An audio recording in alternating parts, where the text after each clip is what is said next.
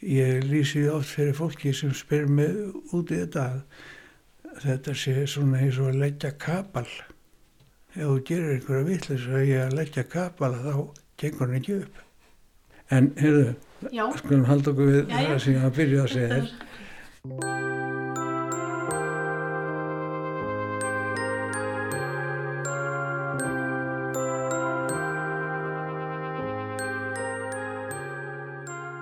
Þetta var Leifur Helgi Magnússon.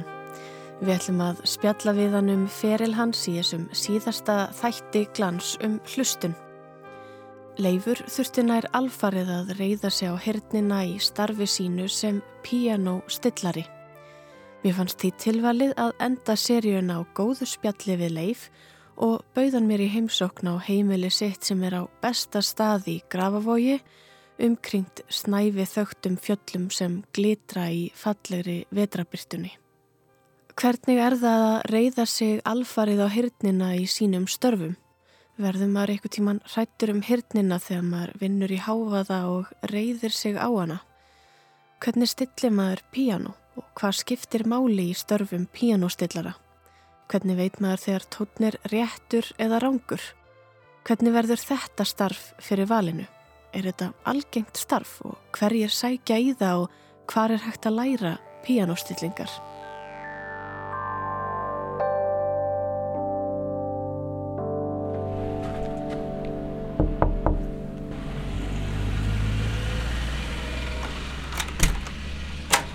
Sæll og blessaður, er svolítið blessuð. blessaður, Ég að köld gera hendin, þessu. Já, komdu inn og takk fyrir, þér. takk. Ég þá ekki taka af þér. Þetta er rosalega fallegur staður sem þið búið á. Já, það er fyrir við hérna. Dóttur okkur tegndur svona búa efra henni.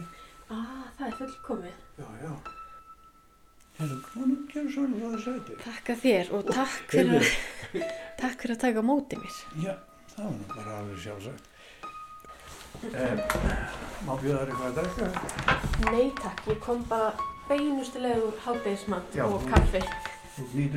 Nei, já, nýdrukkin.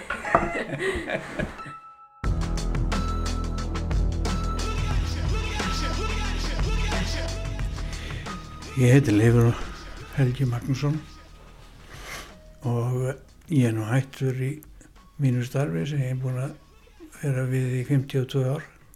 En ég var, ég lærði píanostillari og, og hætti núna í haust, síðastlega haust. Var erfitt að hætta eftir allan ennan tíma. Já, mér langaði þess að vera svona, já, eitthvað lengur sko. Ég hafði svo gaman að þessu. Ég hafði ég gaman að þessu í, í fyrra haust eins og ég hafði þegar ég byrjaði. Var eitthvað svona sem að þið fannst skemmtilegast við vinnuna? Nei, beint ekki. Þetta var alltaf sama prógrami sko. Já, maður stillir fyrst uh, 12 nótur fyrir, fyrir miðju píanóinsins og það er kallað á einsku temperament og uh, það er frá F fyrir neðan miðsjö og upp á E fyrir ofan miðsjö og þarna stillir maður ferundir og fimmundir og jú, það má eiginlega segja að það sé skemmtilegasti hlutin að því því að, að þetta verður alltaf ganga upp. Ég lýsi oft fyrir fólki sem spyr mig út í þetta að þetta sé svona eins og að leggja kapal. Ef þú gerir einhverja vittlis að ég að leggja kapal þá gengur hann ekki upp.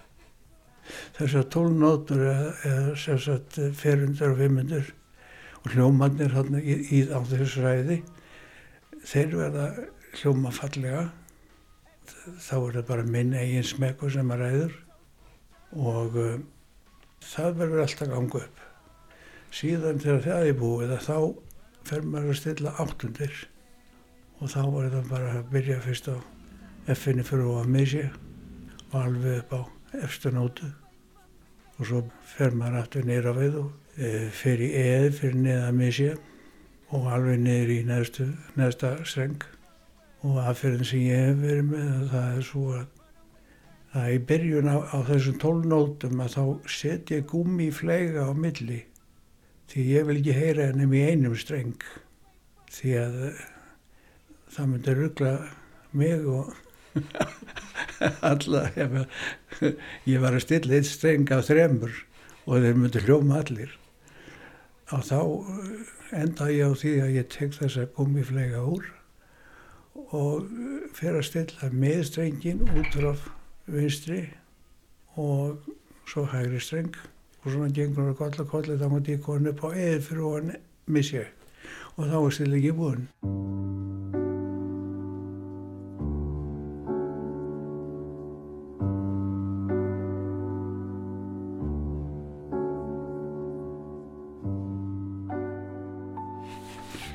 Þetta eru um 240 strengir og ég hef verið svona, ég hef viljið einn og halvan, tvo tíma með hljófarið. 240 og eitthvað strengir er þá fleiri en einn í hverri nótu? Já, það er bara einn í, í neðstu áttundinni og það, þeir eru sverastir. Það er allir strengir úr stáli mjög hörðu stáli og sterku og uh, svo er spunnin yfir það kopar þráður og fyrir dýfstu tónana þá er tvöfall lag af kopar þess að fá tónin dýbri og skýrari. Og síðan sagður að þú stillir nóturnar eftir þínum smekk. Hvað þýðir það? Hvernig veit maður þegar tónin er réttur? Ég byrja með tónkvísl hengjaði með breytón. Ég er nota A-tónkvísl. Þá byrja ég fyrst á streng á A-nótunni og eh, hlusta á tónkvíslina og strengin saman og eh, þegar ég er búin að fá þá til þess að ljóma eins engar sveiflur á meiti tónkvíslar og strengs þá hef ég ekkert við tónkvíslan að gera meira en þá er ég búin að fá við með hennar tónin í strengnum sko, þessum eina streng á aðnáttunni. Svo færi ég mig yfirleitt færi ég mig alltaf reyndar upp á D fyrir ofan. Þetta er eiginlega formúla sko, en það er ekkert allir sem að, og það er ekki allir sem að stilla þessa formúli eins. Og uh, ég vil hafa hljómana þannig að þeir, sko, ég vil ekki hafa þá, sko, að tónendur séu vildir ef þú fattar hvað ég er að meina. Mm -hmm. þeir verða vera nær því að vera slettir á milli tómbila en ekki alveg samt. Og þegar þú hefur fundið þannan viðmjöðunar tón með tónkvíslinni eftir það ertu þá bara að treysta á þín eyru? Já. Hann er að þú vinnur við hirn í rauninni? Já, já, hef allir dýtti hjart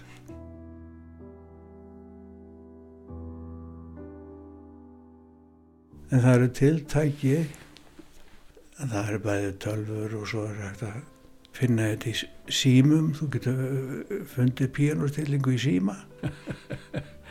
Ég er náttúrulega ekki ekki nota svolítið því að það þarf að nota sjónina líka. Og mér vantar hana.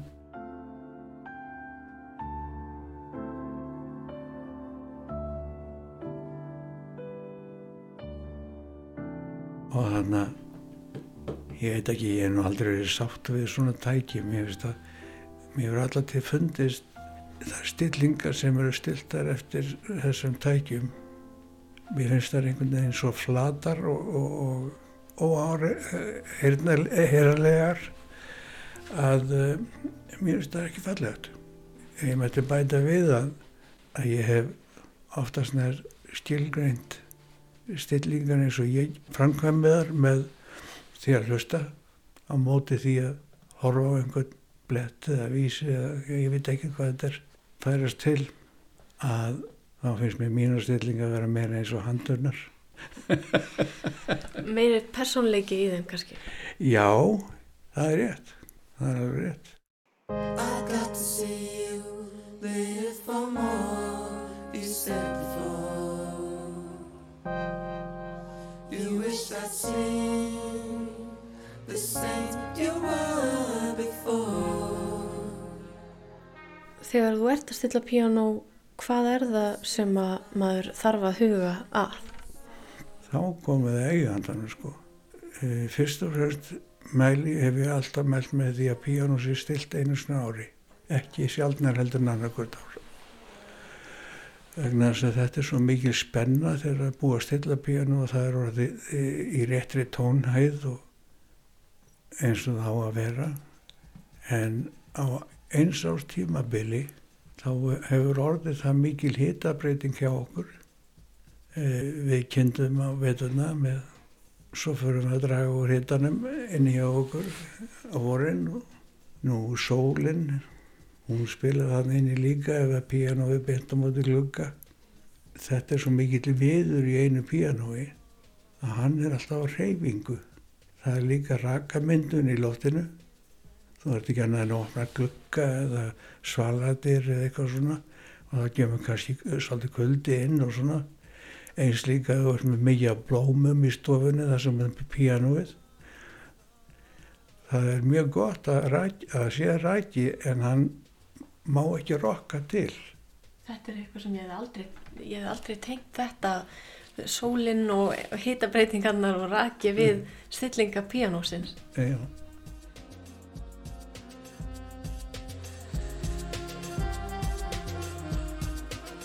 Piano getur flokkast sem hljómborðshljóðfæri, ásláttarhljóðfæri og strengjahljóðfæri. Það hefur strengi sem slegið er á með hömrum en hömrunum er stjórnað af hljómborði. Pianoleikarin spilar því í raun á hljómborð. Piano hafa yfirleitt 88 nótur, 52 kvítar og 36 svartar. Strengir í pianoi eru rúmlega 230 og eins og leifur lísti fyrir okkur slá sömarnóturnar á fleir en einn streng til að mynda tónin. Tvær helstu gerðir píanós eru upprétt píanó og flíill. Millir tvekja samlikjandi nótna á píanói, hvort sem þær eru báðar hvítar eða önnur hvít og hinn svört, er svo kallað hálftónspil, útskýrir eiga Margret Brynjarsdóttir heimsbyggingur og heldur áfram. Upp af tólf hálftónum byggjast svo dúr og moll tónstegarnir sem liggja til grundvallar vestrætni tónlist eins og hún hefur verið síðustu 400 árin eða svo. Dúr eða moll tónstíi er átta tónar að lengt og áttundi tónin væri þrettandi tónin í tólftónakerfi. Þannig að á milli fyrsta og áttunda tóns eru tólf hálftónspil. Bilið millir þeirra er almennt kallað áttund og þar sem manns eirað virðist nema þessa tvo tóna sem, einan gæsalappa, sama tónin í einhverjum skilningi eru þeir kallaðir sama nafninu. Dúr tónstegi er skilgrendur þannig að millir þriðja og fjórða tóns er halvtónspil og heið sama gildir um sjöunda og áttunda tón.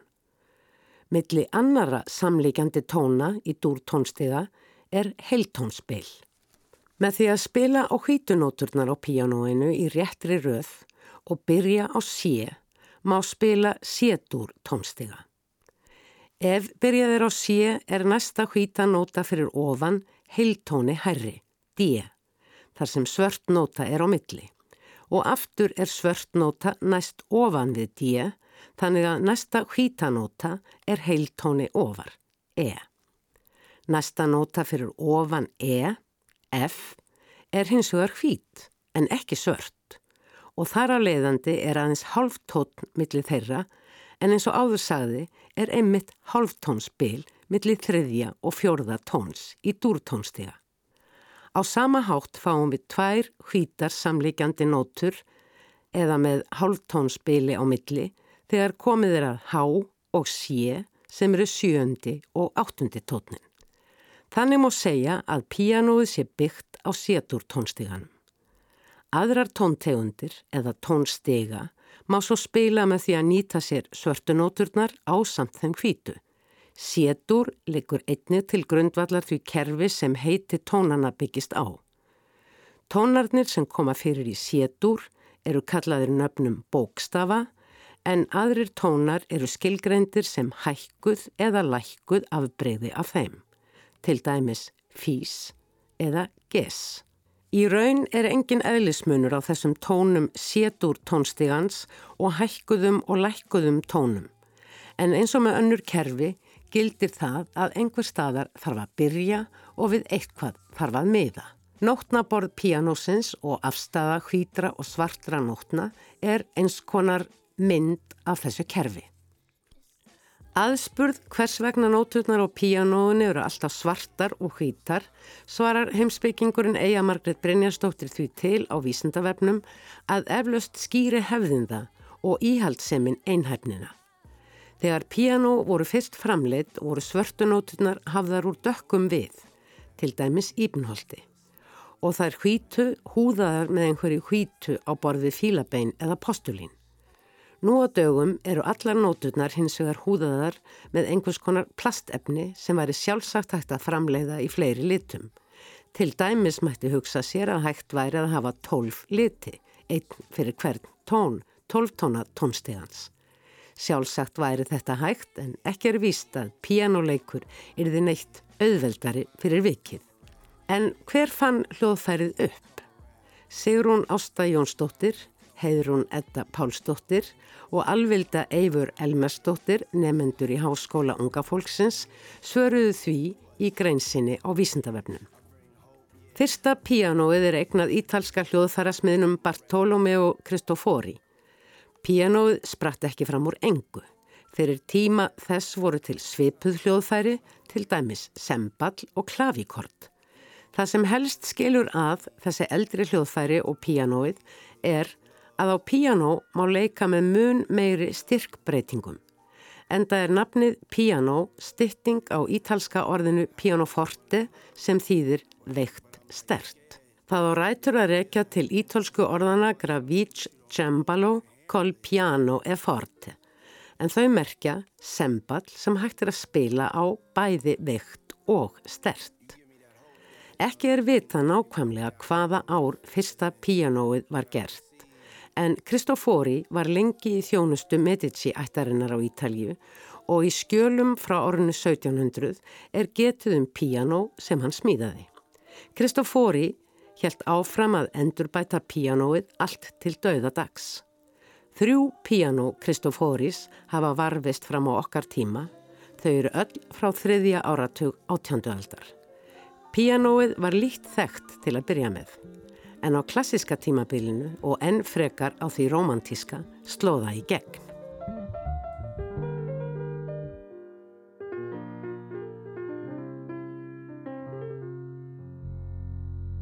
Það er yfirleitt enginn tvö á eins.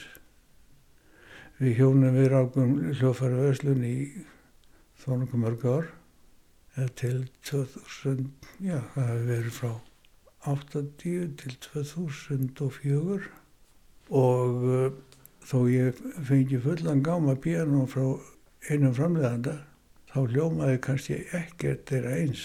Wow. þetta er bara persónleiki pianosins Persónleiki pianosins í bland við þann sem að persónleika þess sem stillir það?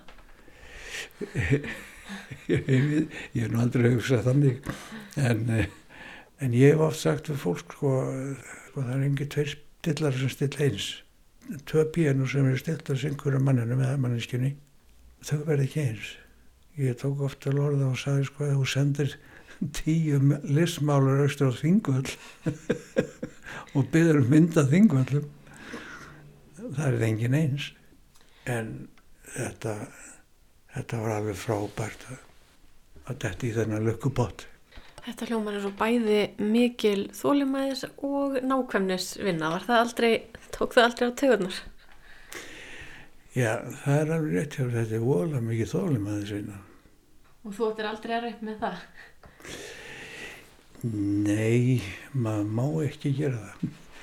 Ég segi það ekki að stundu hérna áður fyrir að maður lendi afskaplega leiðilegu píanói því maður hefur lendi leiðinu í píanói maður er alltaf að kynast nýri og nýri persónu sko þegar maður kemur til fólks. Og uh, jú ég neyta því ekki. Ég hef fengið þá tilfinningu að það er verst að ég verði ekki með sleggju í töskunni. En maður má ekki láta þetta hafa árið á sér en uh, þetta er voðalega fáskipti held ég. Já sum píanu getur, verið voðalega leðileg En maður má ekki leifa þeim að vinna.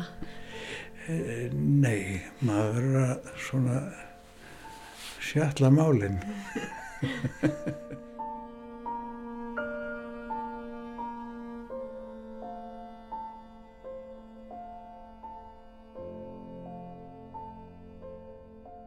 Píanóstillingar urðu starfskrein við upphaf 19. aldar þegar hljóðfærið fjórað njóta vinsælda í vaksandi mæli. Fyrir tíma píanósins var helst spilað á sembal og gatt á fólk stilt hljóðfærið sjálft.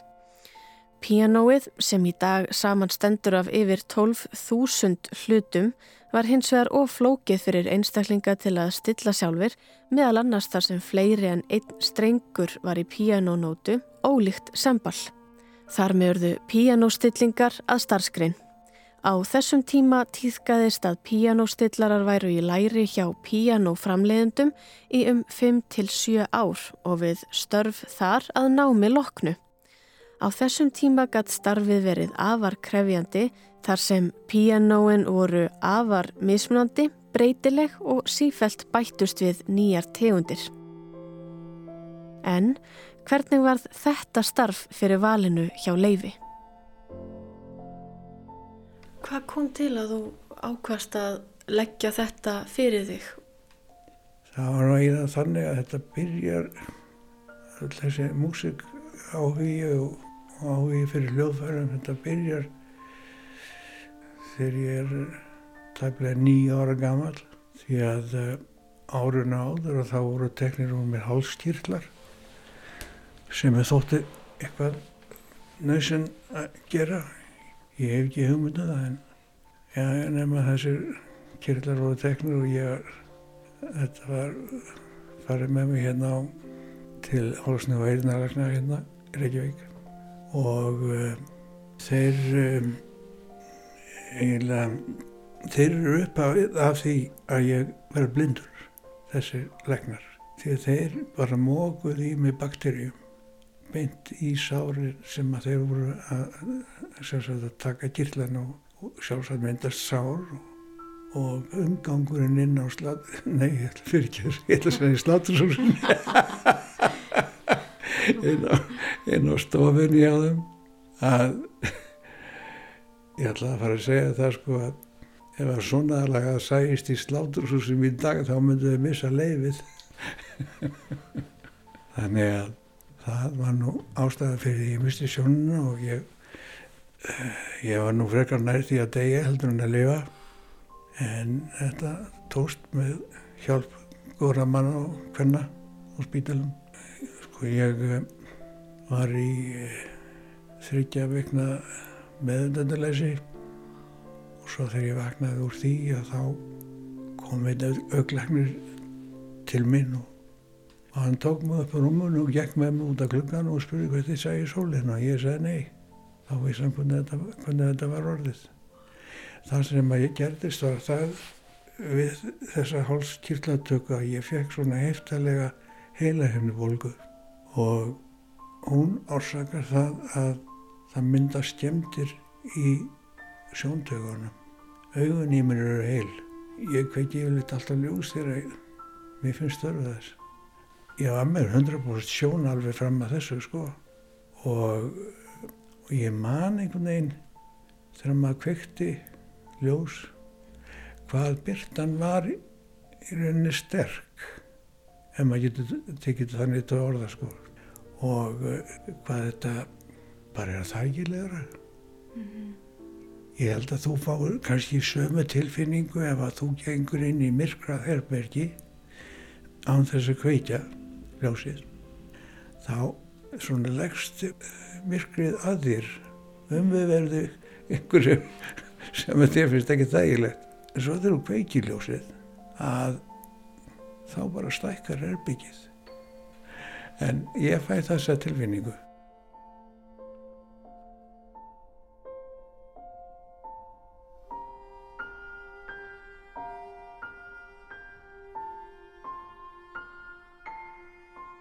þannig var að ég var lagður inn á Vívilstaði sem var nú Berkla spítali að því að fóruðar minni fengur neitun frá landspítalum um að taka mig einn þar. Ég veit ekki út af hverju en pappi mín hafði verið 15 árum áður sjúklingur á Vívilstöðum og þekkti yfirlegnin vel og, og hann ringdi í hann og hann sagði hann bara koma með mig strax. Og hann bjargaði lífið mínu sko, hann var hann var með þess að hjá mér kannski klokkan hálf tíu á kvöldin. Bara aðtöku hvernig ég væri og hvernig ég hefði það og eða verið eitthvað að sem maður þurfti að gera þá gerða það. Og það var hann sem að eh, bjargaði lífið mínu sko. Og hann hétt Helgi Ingvarsson. En svo í næsta herbyggi við með hann á výrstöðum að þar var eitt sjúklingur sem að spila á harmoníku og hann í rauninni kveikti í mér sko. Mér þútti þetta rosalega fallegt. Fallegi tónur og vel spilað og svona og þannig að ég fór að spyrjast út í þetta svona. Og einn frænka mér það byrjaði að því að hún gaf mér munnharpu svo var munnharpan ekki orðið nú þá, þá gaf hún mér svo kallan nappaharmoníku. Svo breytist þetta nú aftur og þá kefti ég mér svona píanubórsharmoníku sko jájá en síðan er það þegar ég fermist að þá þá ég búin að ákveða það að kaupa mér ef ég fengi nægan pening í fermingugju þá ætlaði ég að kaupa mér kontrabassa Já. En ég vissi ekkert annað en það að kontrabassi var eitthvað, eitthvað svolítið sem það er heldur um gítar. en ég hafði aldrei séð kontrabassa og ég fermist held í 21. mæ og 1. júni var ég komið með kontrabassi í hendunar. Bara jafnstóru þú? Hann var stærri. ég er að róna Akranesi og uh, þar hafði aldrei verið neitt kontrabassi til en það var þarna skóla hljómsveit og tveir meðleimur úr þeirri hljómsveit kom, komu og benguði upp heimi á mér einn daginn það var búið að fréttast að veri komin kontrabassi í bæinn og þeir spurði hvert ég verið til ég að koma á jú, jú, það þurfti ekki að bjóða mig það til sér það var byrjað að æfa og þetta var volað gaman og við spilum á fyrsta ballinu 17. júni Já. ég fekk kontrabassan 1. júni á þess að vita hvað ég var að fá mér bara fannst þetta svo falleg falleg og mikil dýft í þessu hljóðferi að ég bara varði það eignar svona. Og þetta var hefur verið bundið við þennan dag að þessi hljóðsveit á stofnud og hún hétt Dumbo. Að ég var með þeim í tvö ár því að þá fór ég að undirbúa mig með það að fara til bandaríkjana í þetta nám. Og uh, þetta var mjög skemmtilegu tími. Og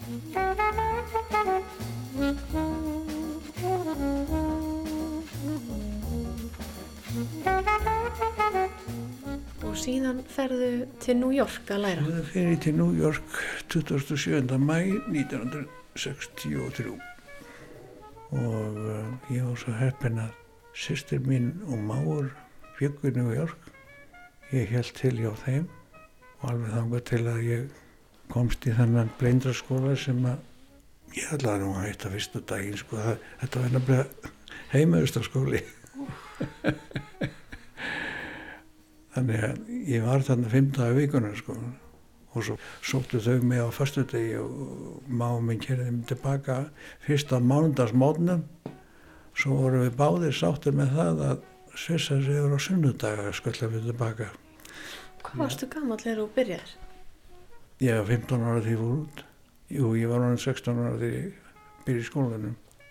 En eh, já, ég segi ég, ég ætlaði að hætta þegar fyrsti dagur að búin en ég og sýstir mín við, ég ringdi í hana og bara baða hann um að sækja mig sko. Þetta gengi ég sko, þetta verður alveg útilokað. Og sem betur fer að þá máur minn hann hafði annað svona aukadjóp stundum á kvöldin og þetta var einmitt kvöld sem hann var að vinna og hún var ekki með bílbróð Svo þetta var útlöka mál að ná ég með hana. Svo að eh, við sömdum upp á það að ég bara færi upp á herbergi og bara færi að sofa og slaka á. Og ég gerði þetta og morgun netti var allt annar. Allt annar og ég var tilbúin að halda áfram. Og svona gekk þetta. Ég tók bara eiginlega eitt dag fyrir einu. Á öðrum vetri þá fyrir ég að læra að nota kvítastafinn. Þegar kvítastafinn hann er alþjóðlegt merki blindrar. Hann er mjög sterkur til dæmis í bandaríkjunum að þýlétinu til að ef að ég myndi hafa farið yfir götu á rauðu lúsi að því um kvítastaf þá er bílstjórin í úreiti. En í, í náminn að nota þennan staf sko að þá læriði ég líka sko, maður ætti alltaf að fara yfir götu á hotni. Þá gæti ég heyrt umfyrðina sem var að fara í þessa átt, þvert á mína leið og líka umfyrðina sem fór þessa átt. Þá leið sem ég ætlaði og ég hlustaði eftir þeirri umfyrð. Þegar að svo umfyrð sem að var að fara í þá átt sem ég ætlaði að fara, verið farin að stað, þá gæti ég farið.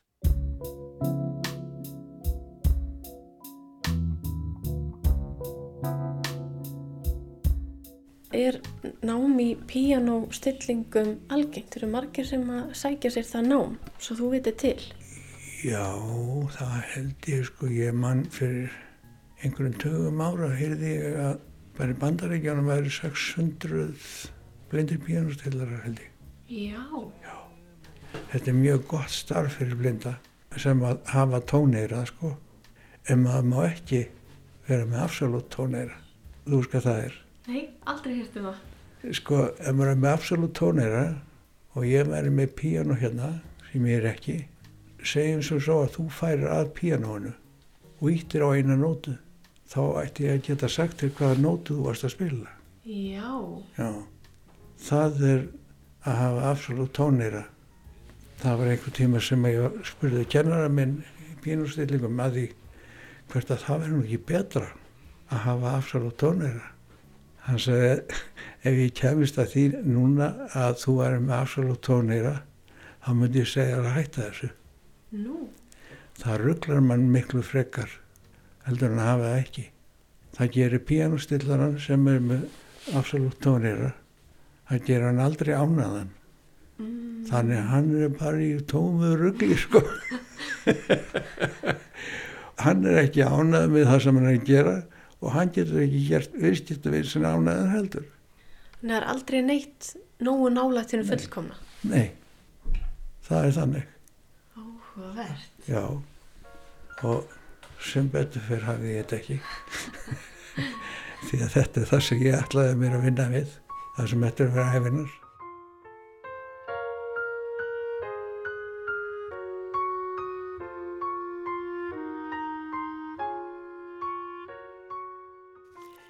Í grein Eyju Margreðar Brynjarsdóttur heimsbygging segir að talað sé um að einstaklingur hafi algjöra tónheyrð ef hann þekkir tónhæð fyrirhafnarlaust eða getur sungið tón sem beðið er um.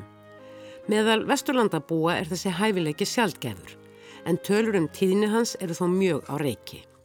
Liklega býr einn á hverjum þúsund til tíu þúsund yfir honum en þó sjást stundum staðhæfingar um tíðni á borð við 3%. Lengi hefur verið umdeilt hvort algjör tónheyrn er meðfættur eða lærður hæfileiki. Ljóst er að algjör tónheyrn er mun tíðari meðal þeirra sem hefja tónlistarnám fyrir 6 ára aldur en ekki er endilega augljóst hvaða álíktanir má draga af því. Svo virðist sem hægt sé að tilenga sér algjöra tónheyrn eða þjálfa hana upp með sérstökum aðferðum að einhverju marki á fullorðinsaldri en það krefst mikillar vinnu og þólinnmæði. Og reyndar búum við öll að vísi algjörar tónheyrnar. Til dæmis eigum við ekki í vandraðum með að greina hvort tótt sem við heyrum er á tónsviði fiðlu eða kontrabassa án þess að afstafa tóna eða tónbil hafi nokkuð með málið að gera.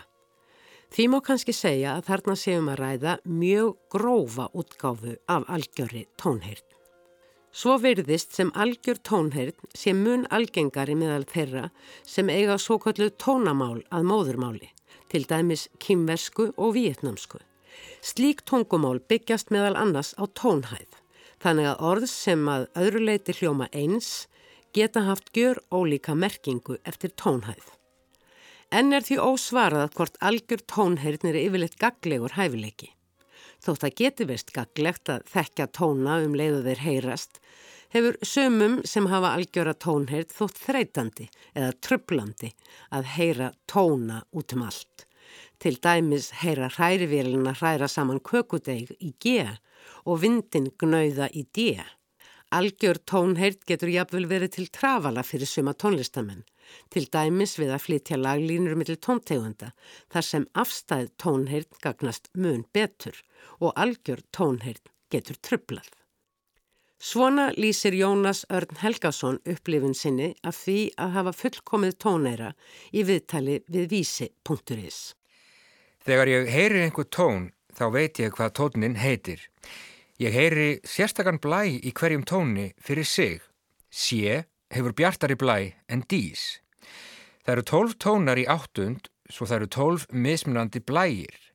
Ég heyri samt ekki munin á einstrikuðu sé og tvístrikuðu. Það er sami blærin. Ég les nótur aðeins öðruvísi en ég myndi gera án þessa. Ég heyri það sem ég les inn í mér í réttri tónhæð. Þegar ég heyri lag sungið í annari tóntegund þá er það vittlaust innan gæsalappa í mínum eirum þegar ég er að lesa það í réttu tóntegundinni. Þetta gerir mér erfiðara fyrir að spinna við laglínur og líka að tónflytja lög. Flestir hafa hins vegar svo kallaða afstæða tónherð og hún er þjálfuð hjá tónlistanemyndum. Tónlistarfólk lærir að þekka afstöðu tónana hvers til annars og getur þannig þekkt tónhæð eða sungið um beðin tón ef því er fyrst gefin viðmiðunartón. Afstæð tónheyrn, relative pitch, byggist á því að þekka tónbil en algjör tónheyrn snýst um að þekka tónana sjálfa.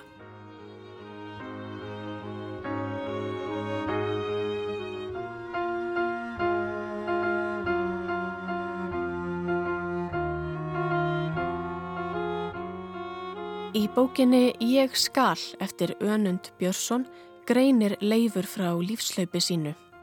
Þar segir hann Fyrstu mánuðina eftir að ég kom heim átt ég engan kost á að starfa við fagmitt svo ég varð að stunda aðra vinnu. Smátt og smátt fekk ég fleiri stillingaverkefni en aldrei nóg til að geta lifað af því. Það tók mér langan tíma að sanna að blindur maður gæti stilt píanó. Einhverja hluta vegna sáu ýmsir minna kollega tormerki á því að ég kemist inn á markaðinn og beinlinis lögðu stein í götu mína. Ég var orðin mjög svart síðan á að ná nokkru sinni fótfestu í mínu fægi hér á landi. Ég hafði því samband við forsvarsmenn skólans sem ég var við og spurði hvort ég get ekki fengið vinnu í einhver tíma við píanóstillingar á þeirra vegum. Og ég fekk aðstóðar kennarastarf í píanóstillingum við skólan. Samhlýða því tók ég að mér stillingar, vitt og breytt um þann borgarhluta New York sem skólinn var í. Leifur kom svo aftur heim síðar sama ár. Þá fór þetta alltaf mjagast af stað en það var þó ekki fyrir en ég fekk tækifæri til að stilla hljóðfæri fyrir málsmetandi menn í tónlist að hjólinn fóru að snúast að einhverju gagni. Mér var ljósta að þetta voru kröfuharðir menn og að ég yrði að vanda mig. Ég vissi allan tíman að ég varð að vanda mig fyrir hvert sem var, því fólk virtist ekki hafa þá trú að ég gæti þetta auk þess sem upplag mitt og samviska bauð mér ekki upp á annað en að vanda til verka og vinna mitt verk af alúð.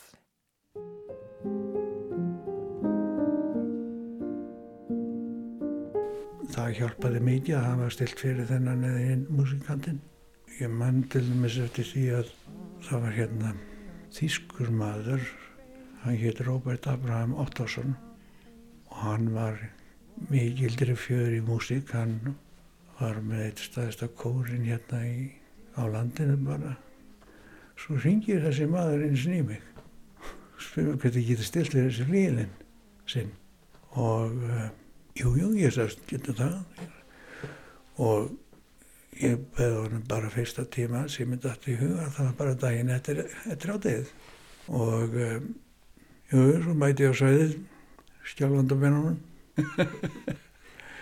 jú, jú, hann vísaði mér á flílinn og svo bara byrja, byrja ég að stilla og svo þegar ég var búin að klára pjánuð stillinguna þá uh, kom hann til mig í þess að búið með það og hann vísaði mér á sofan og nú átti sko að taka þetta út Já. já og uh, hann byrjaði að spila þarna alveg reynd á fullu bara og ég vissi ekkert hvað ég ætti vona.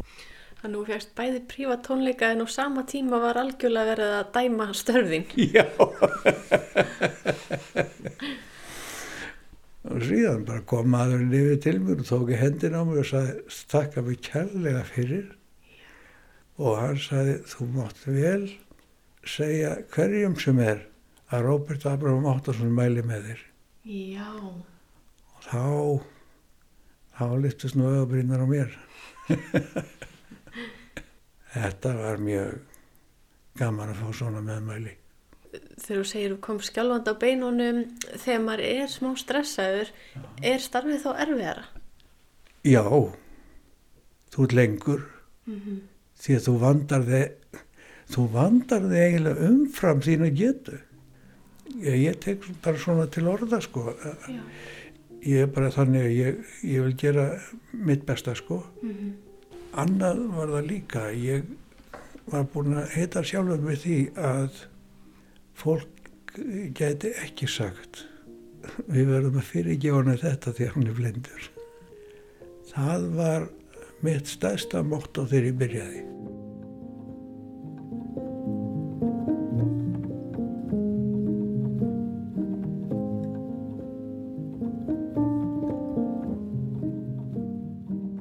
Eftir að leifur lauk við stillinguna hjá Róbert Abraham Ottosinni segir hann í bókinni Ég skal.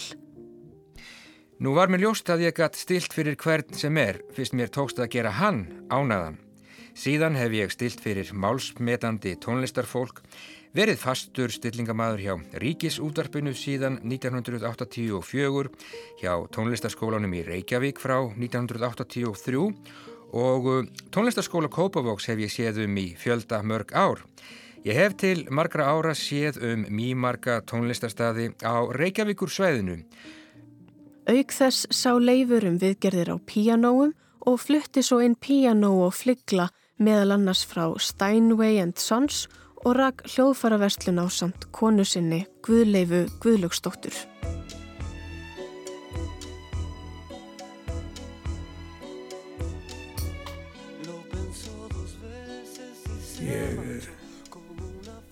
Ánum á ég vinum að þakka að ég fór út í þetta. Já. hann heitir Augur Guðlaugsson og er lærður organisti. Og hann kom 1960 á Akranes til að taka sér tónlistaskólan og gerast organisti við kirkjuna. Og hann var beðin um að kenna mér á piano og um, hann skal ég segja þér var að segja mér frá blindu fólki út í Þýskalandi sem inni við þetta að stilla piano og gera við. Já. og þetta hljómaði mjög spennandi.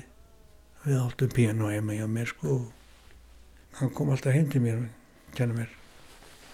Einn daginn þegar hann kemur þá kemur hann með svona stilli líkil sem er notað við að stilla piano og hann sagði ég vil að lána þér þetta og bara fara og prófa þetta pianonuðinu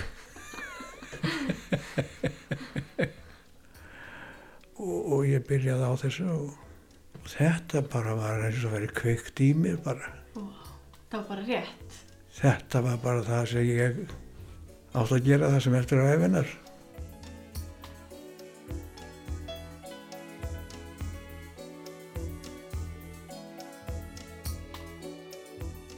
Þú vannst við þetta eins og ég sé þetta var þetta ákveðin þversögn því þú vart að reyða þig algjörlega á eirun í starfinu já, já.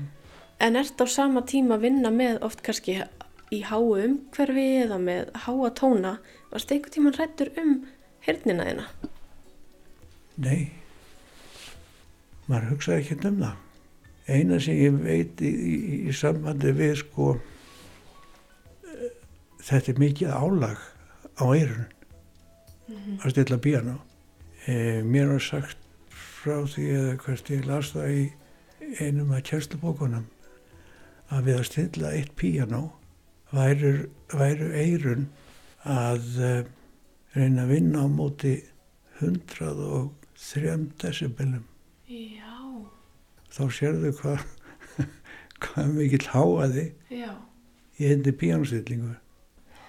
Um, helduru vegna starfs þíns að þú hlustir öðruvís á tónlist en aðrir? Ég geti trúa því. Ertu kröfuharðari? Já, Hvernig tónlist hlustað þú helst á? mér finnst afskaplega gaman af klassískri píanotónlist. Það var bæði Chopin og Mozart og Beethoven og allir þessir kapar.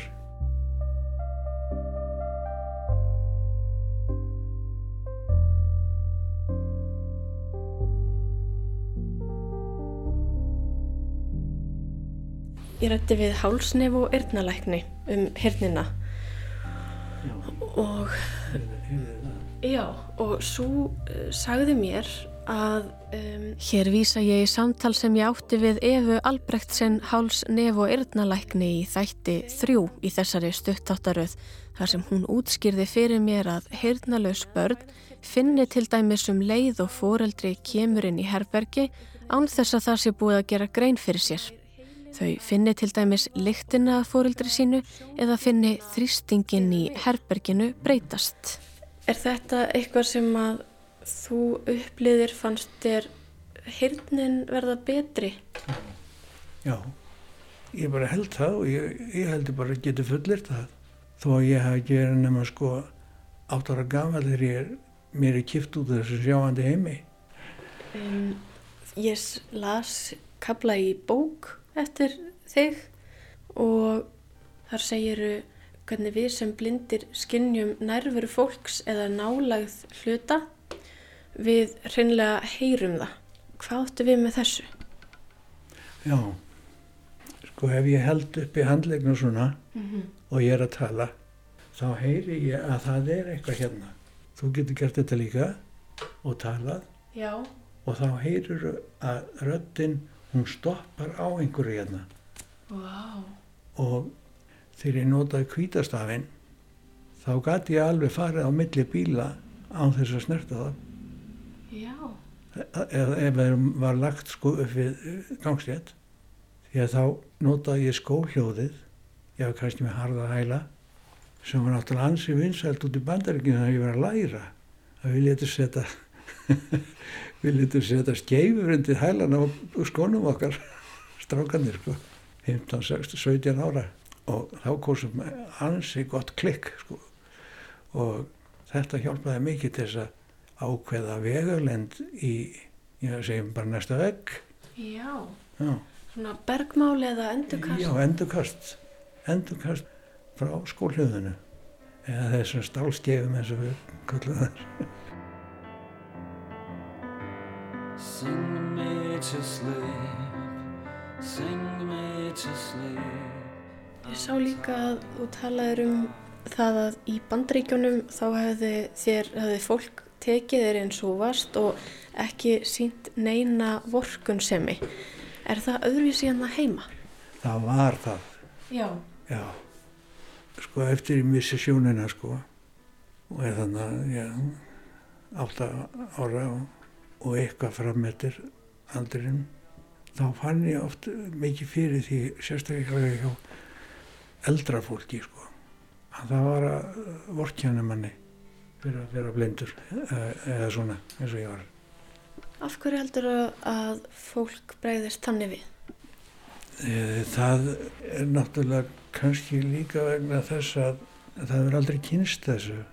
Þekkir kannski engan sem er blindur, er búið að ákveða það að blind manneskja get ekki neitt. Þetta pyrraði mig afskap- afskaplega mikið, mjög svo. en ég var aldrei var með þetta út í bandaríkjunum og þegar ég var að ferðast allan borgina í lestunum sko Já. að þá var fólk mjög hjálpsamt að kom kannski eitthvað mér og spyrja hvert að geta aðstofa mig því að þá er ég náttúrulega með auðkennismerkis kvítastafinn annarkvært þáði ég það eða ég að sagt að ég vissi hvert, hvað ég verið að fara að gera. Lestarna voru mertar með bókstöfum. Og ég bjó í borgarkverður sem heitir Queens sem er á Long Island. Og skólinn er í borgarkverður sem heitir Bronx. Ég var svona einn og halvan tíma ef að lestarna stóðu sig.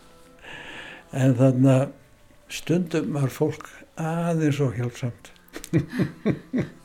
Hvernig lýsir það sér? Já, það lítur að bara vera lesblinda því að sem við settum að vitlis að lest.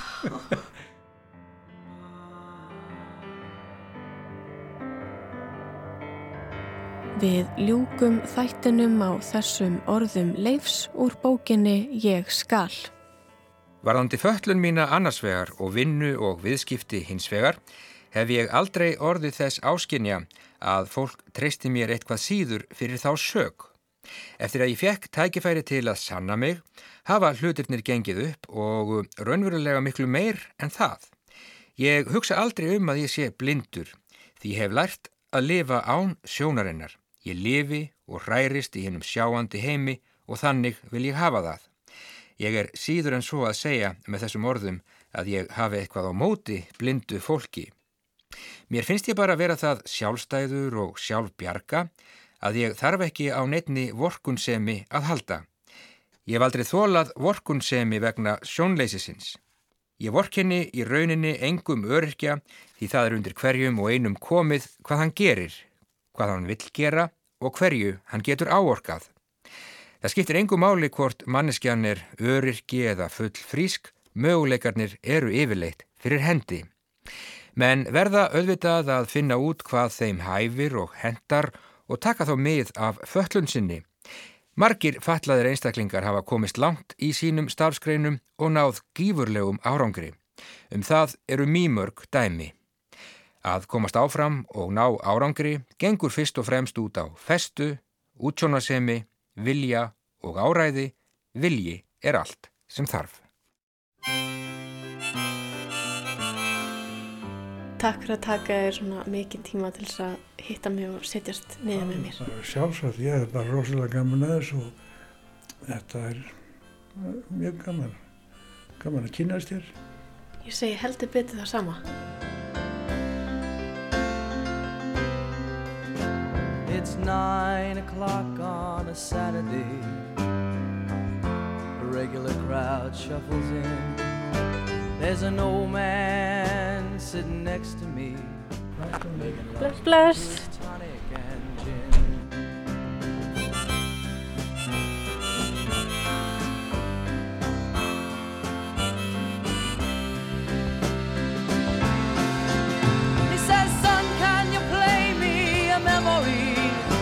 I'm not really sure how it goes, but it's sad and it's sweet, and I knew it complete when I wore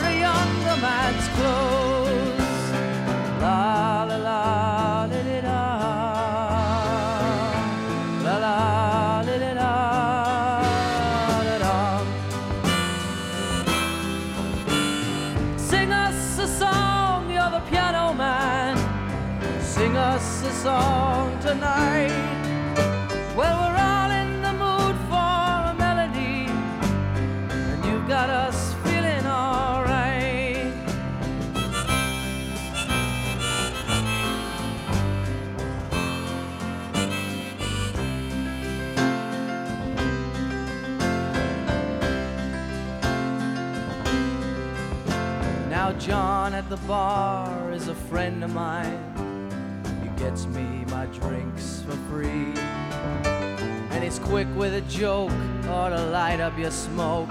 But there's some place that he'd rather be.